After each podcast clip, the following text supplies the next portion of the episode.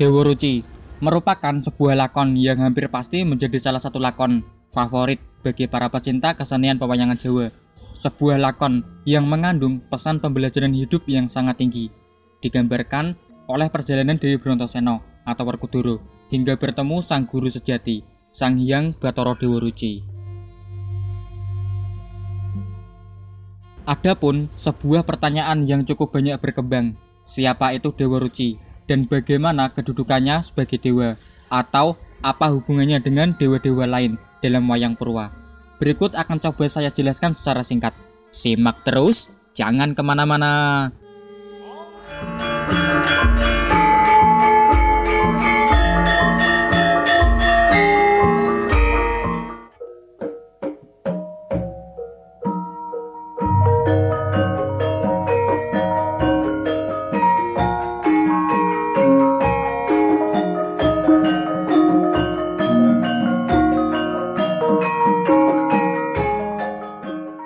Hampir setiap lakon Dewa Ruci diawali dengan sebuah jejer di Padepokan Sokalima dengan Resi Durno yang dikunjungi oleh Prabu Duryudono, biasanya bersama Sengkuni.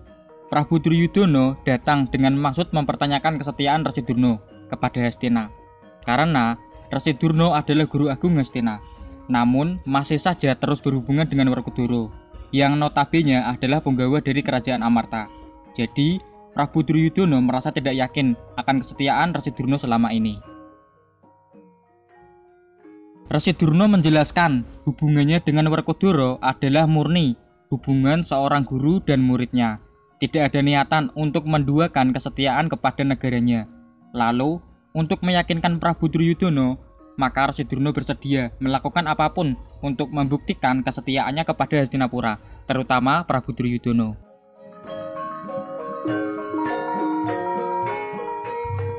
Prabu Duryudono yang sebelumnya sudah dihasut oleh Pate Sengkuni memberikan sebuah perintah yaitu untuk membunuh Werkudara.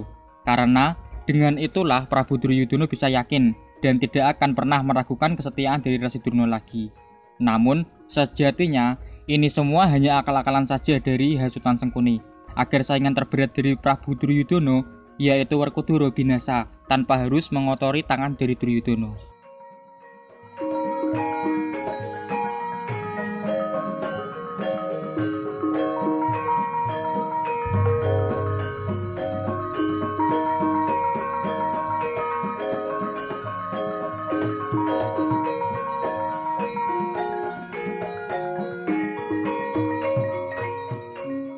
Tidak lama berselang, datanglah Werkudara menghadap Resi Durna untuk menagih ilmu yang telah dijanjikan Resi Durna sebelumnya, yaitu sebuah ilmu kesempurnaan sejati atau sangkang paraning dumadi.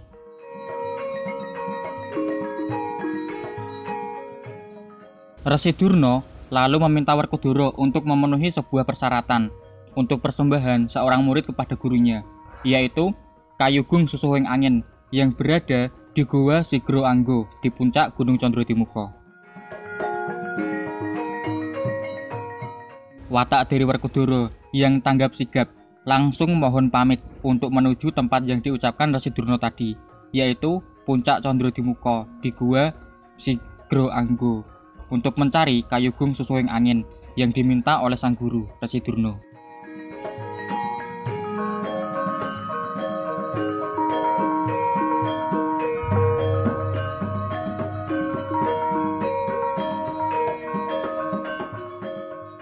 Setelah Werkudara pergi, maka Durna menjelaskan kepada Prabu Duryudono bahwa Gua Sigro Anggo di puncak Condro Dimuko adalah tempat yang sangat angker. Siapa saja ke sana pasti akan binasa, karena ada dua raksasa buto yang akan memangsa setiap manusia yang ke sana. Jadi, pastilah ini bisa menjadi jalan kematian dari Werkudara. Namun, Resi Durno menambahkan bahwa hidup mati manusia adalah kuasa dari Gusti yang Maha Pencipta.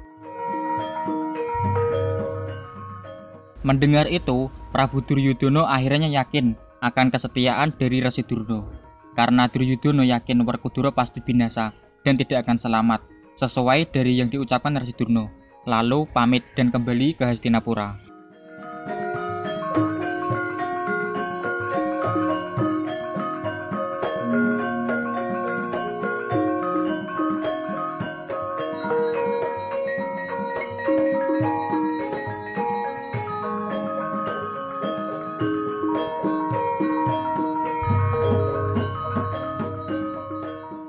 Dengan kemantapan hati, Werkudara berangkat menuju puncak Condrodimuka untuk mencari Gua Sigroanggo, tempat Kayugung Susuhing Angin berada. Menggunakan ajian Bandung Bondowoso, hanya sekali lompatan, Werkudara sudah sampai di tempat yang ia tuju, yang kemudian dihampiri oleh dua buto raksasa, Rukmuko dan Rukmokolo. Dua buto ini berniat hendak memangsa Werkudara. Maka, setelah pertarungan yang tidak terhindarkan, Rukmuko dan Rukmokolo kalah dan berubah wujud ke aslinya, yaitu Betoro Indro dan Betoro Bayu, yang sebelumnya dikutuk oleh Betoro Guru menjadi buto raksasa, dan atas perantara jiwa suci Werkudara bisa kembali ke wujud aslinya.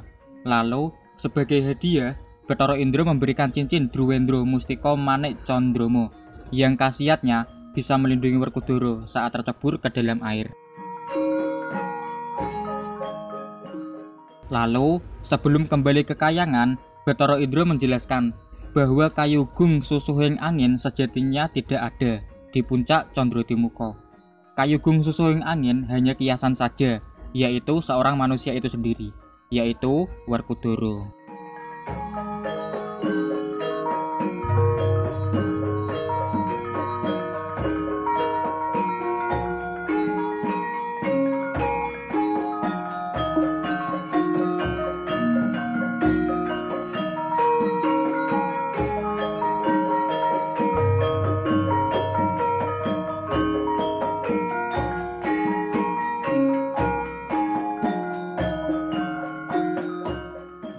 Werkudara lalu kembali ke Sokalema, lalu menjelaskan apa yang ia alami, bahwa yang ia cari, Kayugung Susuhing Angin, tidaklah ada, melainkan dirinya sendiri yang ia cari.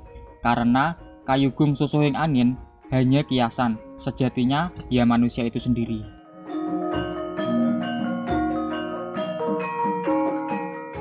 Mendengarnya, Durno sangat takjub sekaligus bingung dan beralasan Werkudara telah berhasil memenuhi persyaratan pertamanya, sembari memikirkan cara lain untuk bisa membinasakan Werkudara sesuai perintah Prabu Duryudono.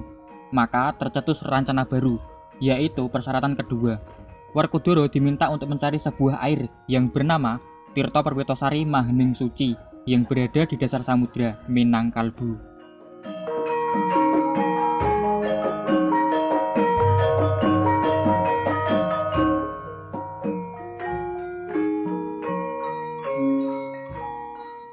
Demi ilmu kesempurnaan sejati, tanpa pikir panjang, Werkudara langsung berangkat menuju laut selatan untuk mencari apa yang diinginkan oleh Resi Durno.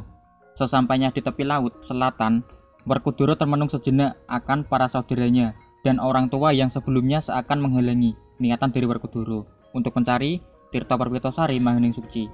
Ditambah juga diuji kesabarannya oleh Hanuman dalam perjalanan. Namun, niat dan tekad Werkudara sudah bulat, maka terjunlah Werkudara dan mengarungi samudra untuk mencapai dasar samudra.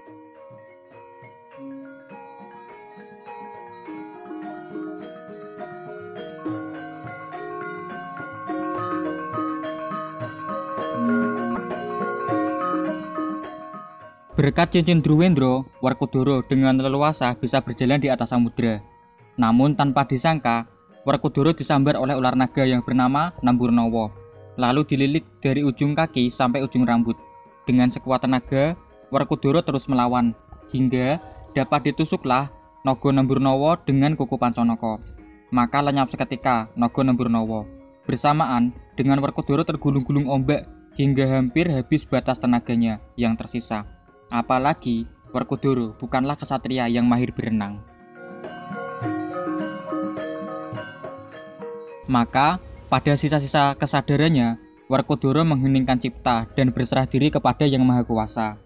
Dalam kondisi bawah sadar, akhirnya muncullah Dewa Ruci menemui Werkudara.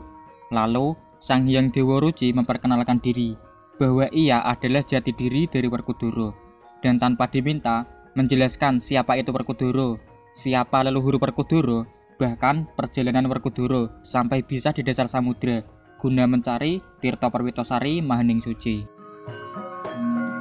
Segera setelah itu, Werkudara menyembah dan mengakui bahwa Dewa Ruci adalah guru suci atau guru sejati. Maka, dari Dewa Ruci lah Werkudara dapat mencapai ilmu kesempurnaan sejati sangkang parananing dumadi dengan diperlihatkan alam semesta dalam diri Dewa Ruci melalui telinganya. Dari sini juga begitu banyak wajangan yang diterima Werkudara dari Dewa Ruci. Salah satunya adalah dijelaskan tentang perjalanan dari Werkudara hingga sampai bertemu Dewa Ruci. Rukmuko dan Rukmokolo adalah kiasan godaan duniawi. Saudara-saudaranya dan Hanoman adalah kiasan sedulur papat limo pancer yang selalu melindungi dan menyertai Werkudara. Nogo Namburnowo adalah kiasan hawa nafsu pribadi. Werkudara berhasil mengalahkan semuanya, yang berarti Werkudara telah mencapai kesempurnaan sejati. Dan sebenarnya masih banyak lagi wajangan lainnya yang saat Werkudara berada di dalam diri dari Dewa Ruci. Setelah dikira semua wajangan diterima, Werkudara keluar dari diri Dewa Ruci dengan rambut digelung dan tidak terurai lagi, yang menandakan Werkudara sudah bergelung Minangkoro. Dengan tujuan, walau Werkudara sudah mencapai kesempurnaan sejati, sangkang paraning dumadi, dan manunggaling kawulo gusti, tapi Werkudara hendaknya tetap harus rendah hati dan tetap menjadi manusia sejati.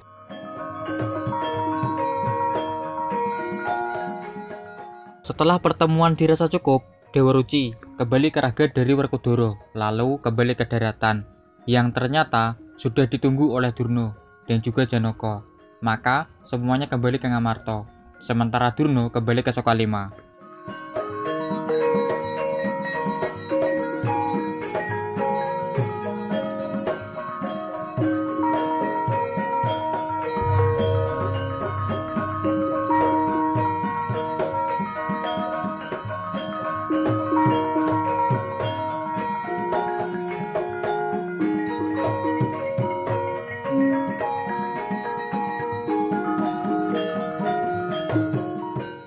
Di hadapan para saudaranya, Warkodoro menjelaskan bahwa sudah berhasil mencapai kesempurnaan sejati, sangkang paraneng dumadi, dan manunggalin kawula gusti, langsung dari Dewa Ruci, yaitu guru sejati atau guru suci, yang berada pada kalbu terdalam setiap manusia. Kembali ke inti video, siapa itu Dewa Ruci?